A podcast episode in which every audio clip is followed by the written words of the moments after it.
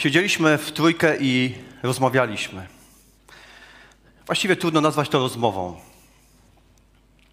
Ona cały czas płakała i łamiącym się głosem mówiła, że, że już nie może tak żyć, że ma wszystkiego dość, już go nie kocha. Jakiś miesiąc wcześniej wyprowadziła się i mieszkał u koleżanki. Wprawdzie on ciągle prosi, żeby do niego wróciła, ale dla niej ich małżeństwo to jedna wielka pomyłka, dlatego chce się od niego uwolnić. Trudno się słucha takich słów, kiedy znasz dobrze tych ludzi, kiedy, kiedy na Twoich oczach ta miłość się rodziła i byłeś na ich ślubie. Dlatego po twarzy mojej żony płynęły łzy, a ja słuchałem tego wszystkiego i nie mogłem uwierzyć, że tak szybko ten piękny obraz, jaki razem tworzyli, rozsypał się na kawałki. I pamiętam dobrze jej słowa, jak mówiła, tego się już nie da poukładać. Tak bardzo byśmy chcieli w naszych relacjach, w naszych małżeństwach, żeby się dobrze układało, no ale, ale wiemy jak jest. Relacje mają to do siebie, że są pełne konfliktów. I wszystkie małżeństwa bez wyjątku zmagają się z konfliktami, które z jednej strony wynikają z naszej grzeszności, ale z drugiej strony też są wynikiem, wyrazem naszej pasji co do pewnych rzeczy, czy to do pewnych spraw, bo coś, co nie jest dla nas ważne, często nie staje się powodem konfliktu. I wyzwanie, jakie staje przed każdym małżeństwem, to nie jest wyzwanie, co tu zrobić, żeby uniknąć konfliktów, Wyzwaniem raczej jest to, jak sobie radzić z konfliktami, które są na stałe wpisane w relacje.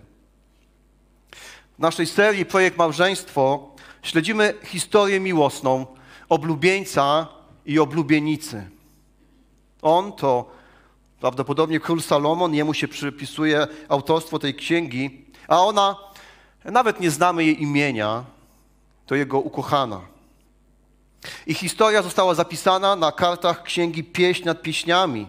Ci dwoje spotykają się, łączy ich gorąca, namiętna miłość. I chyba jest tak, że kiedy czytamy te pierwsze rozdziały, to zaczynamy sobie myśleć, no nie, oni są zbyt idealistycznie pokazani. To, co czytamy, to wygląda jak jeden wielki, nieustanny miesiąc miodowy.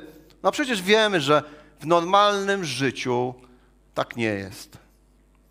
Rozumiemy, że to jest poezja, ale zastanawiamy się, no czemu Biblia nam przedstawia taki jakiś nierealny obraz, poprzeczka umiejscowiona gdzieś dwa metry nad naszą głową, nieosiągalna. Czemu tak jest?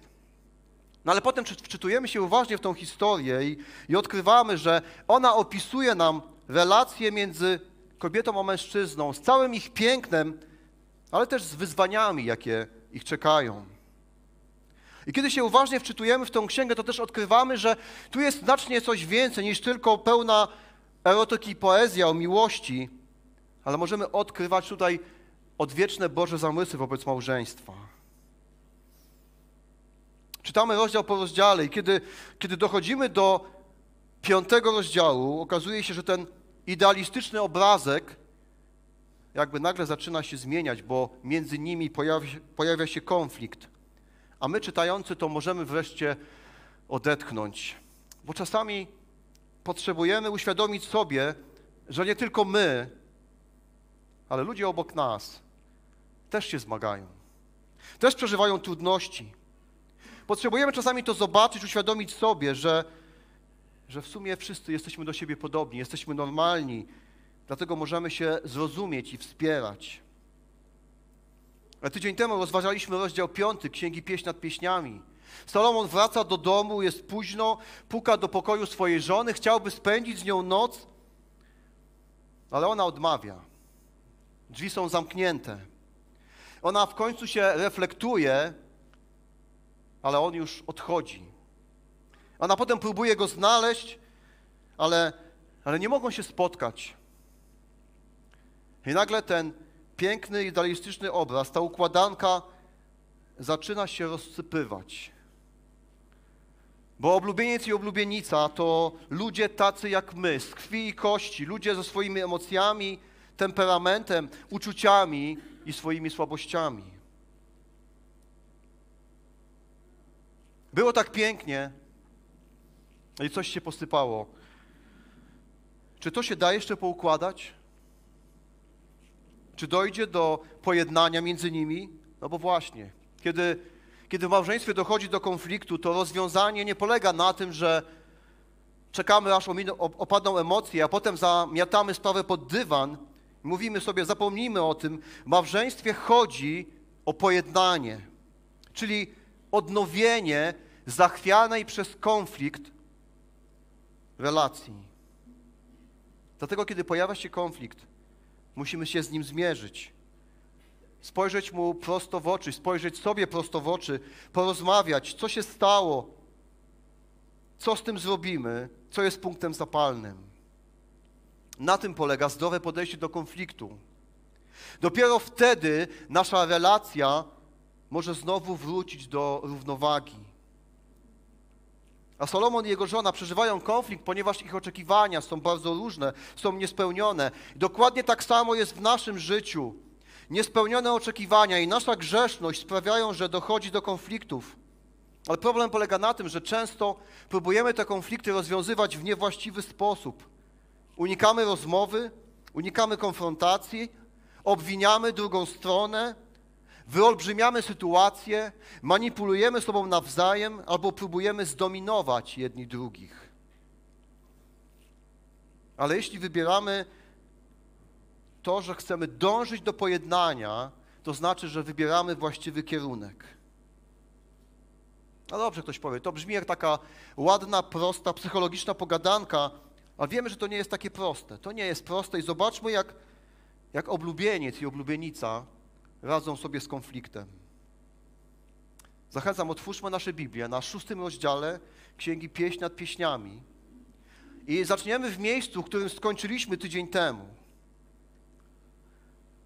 E, w Pieśni nad Pieśniami najczęściej struktura księgi jest taka, że oni rozmawiają ze sobą poprzez, to te, poprzez te pieśni. Oblubieniec coś mówi do oblubienicy potem ona mu odpowiada, ale czasami pojawiają się też jakby wypowiedzi trzeciej strony, ich przyjaciół, czasami niektóre tłumaczenia nazywają to, że to się chór wypowiada, niektóre mówią, że to dziewczęta z Jerozolimy dokładają swój głos w tej sprawie. No to posłuchajmy, co dziewczęta z Jerozolimy mówią. Rozdział szósty, wiersz pierwszy. Dziewczęta z Jerozolimy mówią, dokąd poszedł Twój miły, najpiękniejsza między kobietami? Dokąd zwrócił się Twój miły, powiedz, a będziemy go szukały wraz z Tobą. Przyjaciółki mówią, będziemy szukać wraz z Tobą, będziemy Ci towarzyszyć, ale nie jesteśmy w stanie załatwić tej sprawy za Ciebie.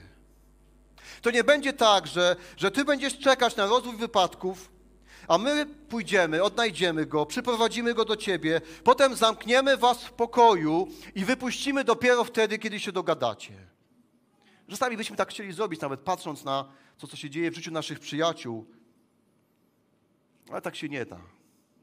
I one mówią, tak nie będzie w tym przypadku, ale my będziemy Ci towarzyszyć, będziemy z Tobą. I mówiliśmy trochę o tym tydzień temu, ale musimy jeszcze dzisiaj raz do tego wrócić, żeby szczególnie to podkreślić. One widzą jej inicjatywę. Ona nie czeka na to, co się stanie, ale wierzę, że jest coś do zrobienia po jej stronie. I na to pytanie, gdzie poszedł Twój miły, ona odpowiada: Mój miły zszedł do swojego ogrodu między grządki balsamu, aby paść, paść w ogrodach i zrywać lilie. Tak sobie myślę, że ten Salomon to taki typowy mężczyzna. To tak każdy mężczyzna tak robi. Jak się pokłóci z żoną, no co robimy? Idziemy do ogrodu, zrywamy kwiaty, i tak się rozczulamy nad sobą. Jak nie mamy swojego ogrodu, to, to idziemy do łazienek. Jak jest, widzicie w łazienkach mnóstwo mężczyzn, którzy zrywają kwiaty, to już wiecie teraz o co chodzi. No, chyba, chyba jednak nie o to. Salomon zrobił to, co często my, mężczyźni, robimy, kiedy czujemy się odrzuceni. On idzie, aby zająć się pracą. Zająć się tym, poprzez co on się realizuje, z czego czerpie poczucie swojej wartości. Idzie zająć się pracą, żeby w ten sposób poradzić sobie z tym bólem odrzucenia ze strony swojej żony. Kiedy my w naszych relacjach nie doświadczamy zaspokojenia naszych potrzeb poprzez zdrowe relacje, to bardzo często, a zwłaszcza mężczyźni, szukamy tego zaspokojenia w naszej pracy. To jest nasza odskocznia. Dlatego tak często stajemy się pracocholikami. To jest nasza ucieczka, bo tam czujemy się często lepiej niż w domu, bo tam doświadczamy tego pewnego spełnienia, którego szukamy w życiu. I właśnie to robi Salomon. Idzie zająć się swoją pracą. Ale oblubienica nie czeka, aż on stamtąd wróci, ale idzie go odszukać. Czasami, kiedy pojawia się konflikt w naszym małżeństwie, to przypominamy trochę takich bokserów w ringu, którzy walczą. Potem rozlega się gong na przerwę albo na koniec tego meczu. Ale my ciągle stoimy w swoich narożnikach. Ręce mamy tak założone. I czekamy i patrzymy, co zrobi druga strona.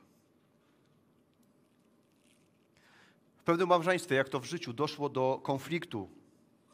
I akurat było to małżeństwo, które, w którym oboje małżonkowie należeli do tych, którzy za wszelką cenę próbowali konfliktów unikać. A więc kiedy mleko się już rozlało, żadne z nich nie chciało podjąć tematu. Nie rozmawiali ze sobą, nie patrzyli na siebie, unikali się, mieli tak zwane ciche dni.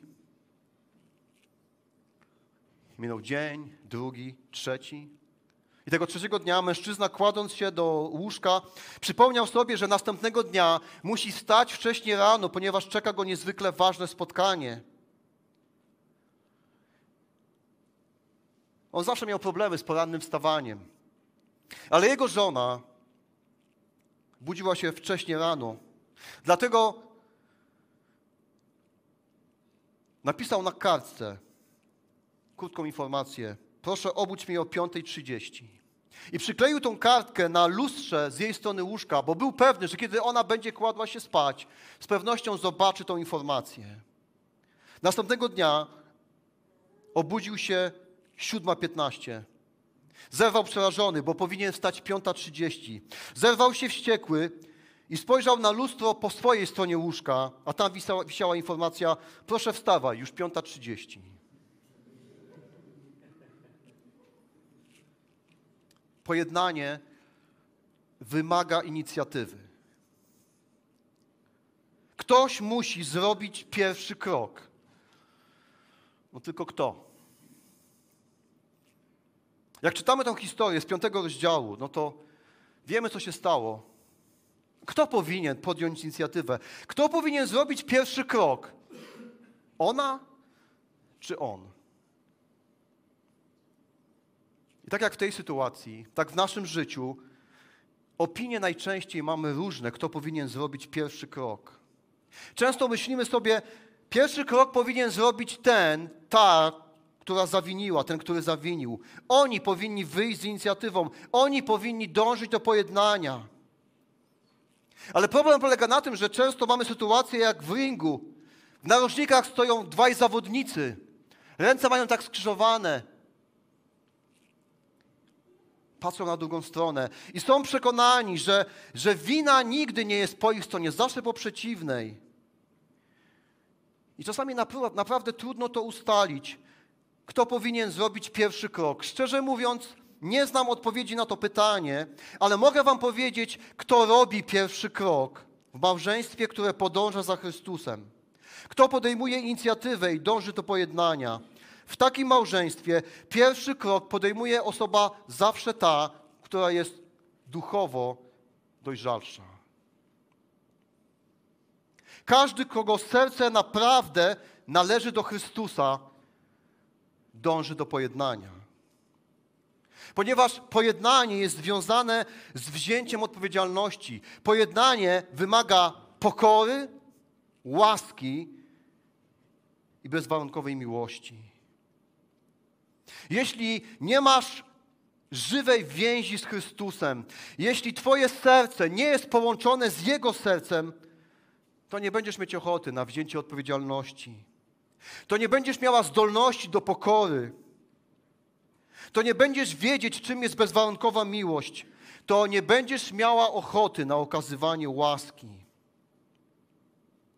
Ten, kto jest bliżej Chrystusa, zawsze robi pierwszy krok i dąży do pojednania. I teraz chciałbym powiedzieć, że, że w naszym małżeństwie to ja jestem tą osobą, ale niekoniecznie. Bo ja jestem osobą, która lubi mieć rację. A jak lubisz mieć rację, to nie pomaga w podejmowaniu inicjatywy. Ktoś nawet to tak ładnie powiedział: Chcesz mieć rację, czy chcesz mieć relację?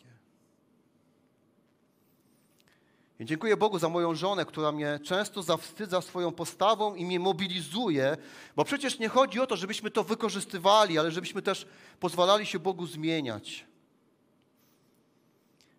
Jeśli jesteś osobą, która w swoim małżeństwie najczęściej wychodzi z inicjatywą, to nigdy z tego nie rezygnuj.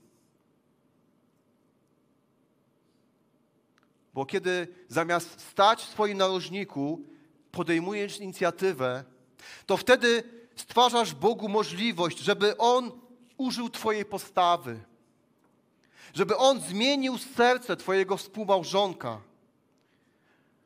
Ponieważ wtedy w Twojej postawie przejawia się moc Ewangelii. A moc Ewangelii ma to do siebie, że jest w stanie złamać egoizm, pychę i obojętność. I tak na marginesie, to się nie odnosi tylko do małżeństwa, ale do każdej naszej relacji. Oblubienica robi pierwszy krok. I co dzieje się dalej? Jak czytamy ten szósty rozdział, to widzimy, że tutaj jest niezwykle ciekawa jakby kolejność zdarzeń. Pod koniec tego rozdziału widzimy, że oblubienica dociera do królewskiego ogrodu. I tu warto zauważyć, że jest ogromna dyskusja między biblistami na temat jedenastego wiersza tego rozdziału, bo w niektórych tłumaczeniach może się wydawać, że to oblubieniec mówi do oblubienicy, ale dyskusja trwa i większość uważa, że to oblubienica mówi do oblubieńca. Takie słowa w wierszu 11. Zeszłam do ogrodu orzechów, by spojrzeć na świeżą zieleń doliny, by zobaczyć, czy rozkwita krzew winny, czy w kwiecie są już granaty. Więc pod koniec tego rozdziału widzimy, że ta inicjatywa sprawia, że ona idzie do tego ogrodu, gdzie wie, jest jej ukochany, ale wcześniej dzieje się coś bardzo ciekawego. Zanim jeszcze ona tam dociera, zanim jeszcze się spotkają, zobaczmy, co robi oblubieniec. On mówi: Jesteś piękna, moja przyjaciółko, jak Tyrsa, pełna wdzięku jak Jeruzalem, groźna jak chówce waleczne. Odwróć oczy ode mnie, bo mnie przerażają. Twoje włosy są jak stado kus, które schodzą z Gileadu. Twoje zęby są jak stado owiec, które wyszły z kąpieli. Wszystkie one mają bliźnięta. Nie ma między nimi niepłodnej. Twoje skronie są jak rozkrojone jabłko granatu spoza Twojej zasłony. On to wszystko myśli o niej, nie wiedząc, czy ona przyjdzie do niego, czy też nie. On nie wie, że za chwilę się spotkają, ale w jego głowie, w jego sercu są myśli, są uczucia dokładnie takie same, jak gdybyśmy się cofnęli, zobaczymy w rozdziale czwartym. A w rozdziale czwartym wtedy jeszcze ten obrazek wydawał się taki piękny, idealny. W rozdziale czwartym ta układanka jeszcze jest w doskonałym porządku. Potem jest konflikt rozdział szósty, ale w nim ciągle są te same myśli i uczucia jak wcześniej. To znaczy, że będąc w ogrodzie, myśląc o tym, co zaszło, on nie pozwala, żeby jakieś złe emocje czy gniew wzięły górę w jego życiu. Żeby się przerodziły w jakieś zgorzknienie, złość albo obojętność. Zamiast tego on wraca do tych wszystkich dobrych chwil, przypomina sobie, dlaczego ją kocha, Myśli o jej charakterze, myśli o jej wewnętrznym pięknie, myśli o tej jedności, jaka była między nimi. I to wszystko świadczy o tym, że mimo, że się jeszcze nie spotkali, on jest gotowy jej wybaczyć. Zanim ona się jeszcze pojawi, zanim zaczną rozmawiać, zanim zaczną sobie wyjaśniać, zanim zaczną się przepraszać, jego serce jest gotowe, żeby jej wybaczyć. No jak myślimy? Kiedy za chwilę się spotkają, to jaką mają szansę, że dojdzie do pojednania? Ona podejmuje inicjatywę, robi pierwszy krok, a on już w swoim sercu podjął decyzję, jest gotowy jej wybaczyć. Ile czasu potrzebują, żeby nastąpiło pojednanie? Kochani, pojednanie wymaga gotowości, żeby wybaczyć.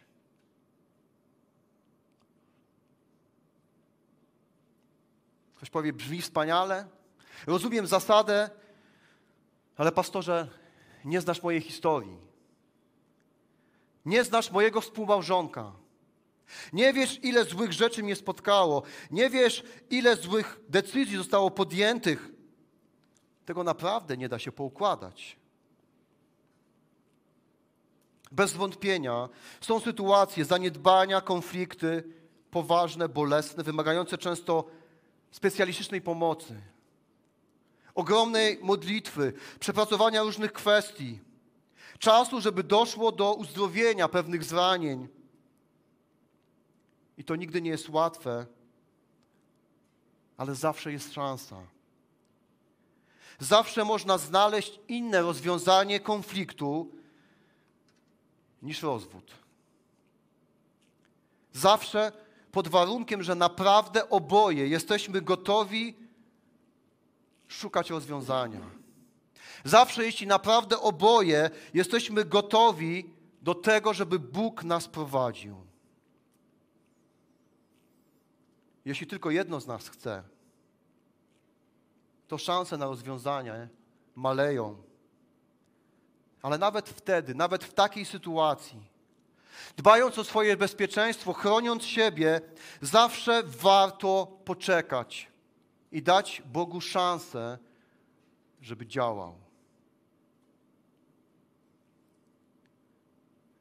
Gotowość, żeby wybaczyć, nigdy nie jest łatwa, ponieważ ona najczęściej wymaga od nas tego, że musimy działać jakby wbrew naszym emocjom. Oblubienica podjęła inicjatywę, on jest gotowy, by jej wybaczyć. Czy to się da jeszcze poukładać? I potem oni spotykają się. Nie mamy tu opisu, jak wyglądała ich rozmowa. Nie wiemy, jak długo rozmawiali. Nie wiemy, czy, byli czy były łzy, czy na końcu się pocałowali, przytulili. Ale posłuchajmy dalej, co mówi oblubienica. Ona mówi w wierszu 12: Niespodziewanie znalazłam się wśród wozów książęcego orszaku. Znowu to jest dość trudny fragment, na którym komentatorzy dyskutują. A posłuchajmy jeszcze tego samego fragmentu w innym tłumaczeniu. Ona mówi: Och, nie wiem, co się dzieje. Rządza mnie ogarnia, unosi jak rydwan, gdy pędzi galopem w królewskim orszaku. I komentatorzy mówią o to, co się dzieje. Po tej rozmowie ona znajduje się jakby w jego rydwanie, który jest częścią jego królewskiego orszaku. Ona nagle po tym konflikcie zostaje wyniesiona do niezwykłej pozycji, zostaje w niezwykły sposób uhonorowana, bo bycie częścią królewskiego orszaku w tamtych czasach to było coś. Kiedy orszak przejeżdżał, wszyscy na tych, którzy byli częścią orszaku, patrzyli z podziwem i z szacunkiem. Kiedy ona wychodzi z inicjatywą, kiedy on odpowiada jej gotowością wybaczenia, kiedy już porozmawiali, on wtedy wobec niej potwierdza swoją miłość i oddanie pokazując, że ona ma to szczególne, wyjątkowe miejsce w jego życiu i w jego sercu. I kiedy wracają do pałacu, ona nie musi go już ciągle pytać, czy nadal się na nią gniewa. Nie musi zastanawiać się, o co mu chodzi. Nie musi mówić, no myślałam, że już mamy to za sobą, że już sobie to wyjaśniliśmy. Ona i on, oni wiedzą, na czym stoją. Nie dlatego, że padły słowa przepraszam, ale równie kluczowe, a może nawet ważniejsze jest to, co się wydarzyło po słowach przepraszam. Bo my możemy powiedzieć sobie w małżeństwie przepraszam, ale ciągle burzowe chmury będą wisieć nad nami. Ale kiedy powiemy sobie przepraszam, a potem oboje po tym, co się stało, wobec siebie potwierdzamy swoją miłość, swoje oddanie słowami i czynami, to chociaż jeszcze przed chwilą byliśmy w konflikcie, to teraz wychodzimy z niego zwycięsko, a co ważniejsze, nasze małżeństwo jest mocniejsze. Kochani, pojednanie wymaga potwierdzenia miłości i oddania. Myślę, że niektórzy z nas wielokrotnie mówili w swoim małżeństwie przepraszam, a potem się dziwili, że tak niewiele się zmieniło. Bo to, czego zabrakło, to potwierdzenia swojej miłości i oddania. Potwierdzenia, że wybaczasz i tak bardzo go kochasz. Że ona zawsze będzie jedyna wśród kobiet tego świata dla ciebie. Czasami powiemy sobie przepraszam, a potem brakuje tej prostej rozmowy, której powiemy swoim, swojemu współmałżonkowi, jak bardzo jesteśmy mu wdzięczni, jak bardzo ją podziwiamy, jak zapiera nam dech w piersiach to, że ona tak troszczy się o nasz dom, o naszą rodzinę, że podziwiamy jego pracowitość i mądrość, że jesteśmy wdzięczni sobie nawzajem za swoją wierność i za to, że się wspieramy. Czasami brakuje tych słów i czynów, które to podkreślają. Bo miłość to działanie. Dlatego naszym małżeństwie każdego dnia potrzebujemy słów i czynów, które to wyrażają. I kiedy przejdziemy ten proces, dopiero wtedy może dojść do pojednania.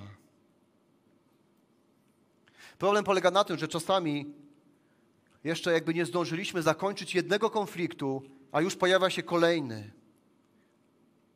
Ledwo co zdążyliśmy powiedzieć przepraszam i zabrakło nam czasu na potwierdzenie miłości, a tu pojawił się kolejny konflikt i znowu musimy wrócić do początku i wyjść z inicjatywą.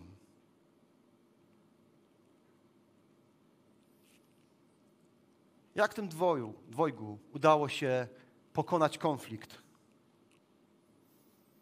Zaczęło się od inicjatywy, ktoś zrobił pierwszy krok. Potem była gotowość wybaczenia, a potem ich miłość i oddanie została potwierdzona. Można powiedzieć, zrobili trzy bardzo proste kroki. Ale wiemy, że w życiu te proste kroki wcale nie są łatwe. Zresztą ktoś powie, co to w ogóle był za konflikt? On chciał spędzić z nią noc, ona nie chciała. Drobna sprzeczka kochanków, bułka z masłem. To się nie równa z waszymi konfliktami. On mnie zdradził. Sypiał z innymi kobietami. Przyłapałam go, jak oglądał pornografię. Ona grała z moimi uczuciami kontrolowała mnie całkowicie i chodziło jej tak naprawdę o moje pieniądze jedynie. On potrzebował tylko sprzątaczki i kucharki, a moje potrzeby nigdy się nie liczyły. On niszczył moje życie nałogami. Ona mnie doprowadzała do szału swoimi zmianami nastrojów i oczekiwań. On nigdy nie dawał mi poczucia bezpieczeństwa. Latami żyłam w strachu. Ona na wszystkie sposoby złamała naszą małżeńską przysięgę. On uczynił moje życie jednym wielkim piekłem. Dlaczego miałbym, dlaczego miałabym wychodzić z inicjatywą? Dlaczego miałbym podejmować decyzję, że jej wybaczą, wybaczam? Z jakiego powodu miałabym potwierdzać coś, co się już rozsypało na kawałki? Z jakiego powodu? I myślę sobie, że to jest bardzo dobre pytanie. I zaczynam się zastanawiać, jaka jest odpowiedź, jaki jest powód. I wysilam umysł i odkrywam, że, że nie potrafię znaleźć żadnego logicznego powodu.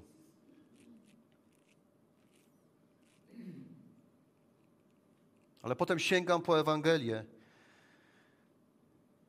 i tam go znajduję. Jest powód. Dlaczego mam robić pierwszy krok i być gotowy wybaczyć? Jest powód. Bo Bóg zrobił to wobec mnie. Bo Bóg zrobił to wobec Ciebie. Bo Bóg zrobił to wobec nas.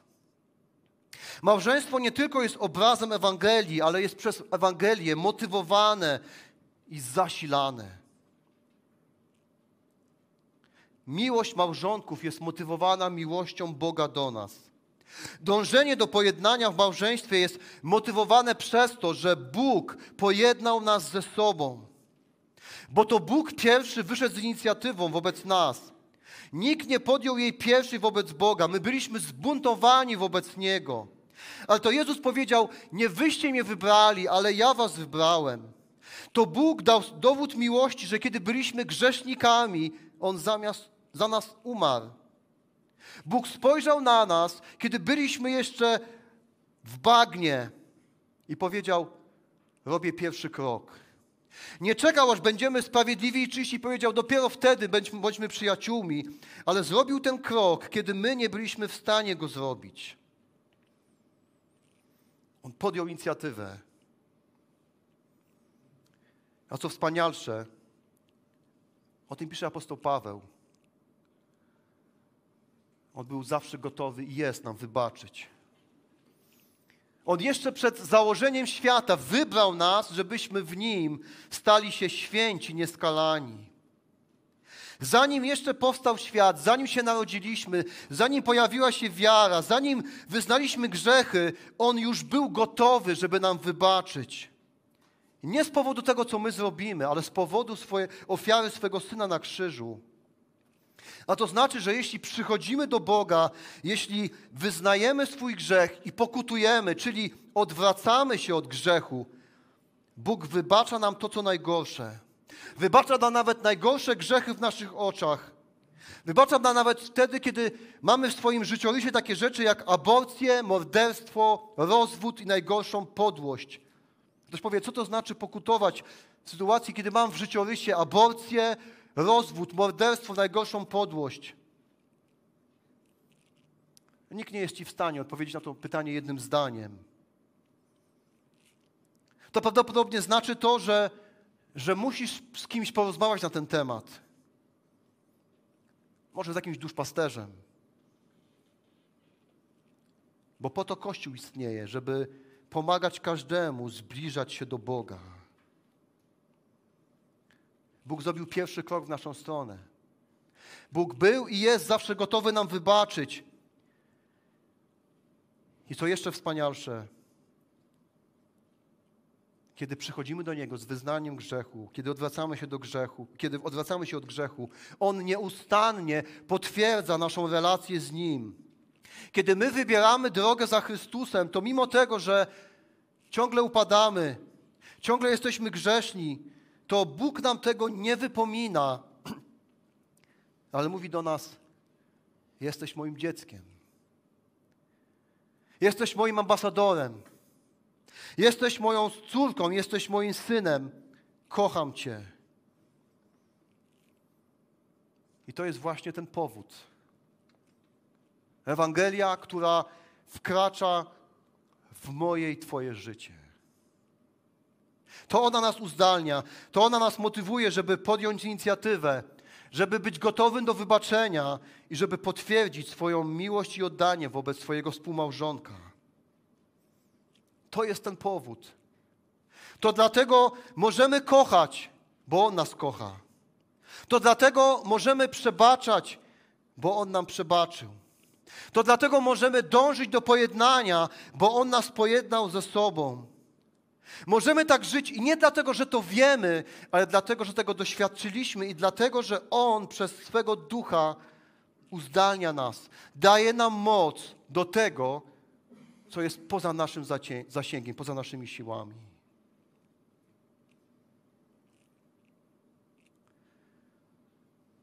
Siedzieliśmy w trójkę i rozmawialiśmy. I pamiętam jej słowa, tego już się nie da poukładać. A potem dodała, ale wiem jedno, że Bogu nie podoba się to, aby, aby moje małżeństwo się rozpadło. Wiecie, i to jedno zdanie to było coś znacznie więcej niż przypomnienie biblijnej prawdy. To było jej wyznanie wiary, że ona już nic nie może tylko Bóg może jej pomóc. I wiecie co? Stał się cud. Jego inicjatywa spotkała się z, jego, z jej gotowością, żeby mu wybaczyć, że spróbują od nowa. A potem oboje co dzień potwierdzali swoją miłość i oddanie. Potem jeszcze kilka razy zdarzyło nam się siedzieć z nimi i płakać, bo, bo przechodzili przez strasznie trudne doświadczenia.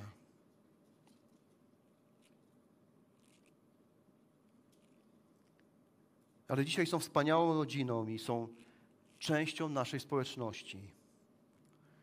I stał się kolejny cud. Bo dziś ten obraz, który tworzą, jest jeszcze piękniejszy niż na początku. Stał się cud, bo nawet najbardziej rozsypane kawałki z Bogiem można poukładać.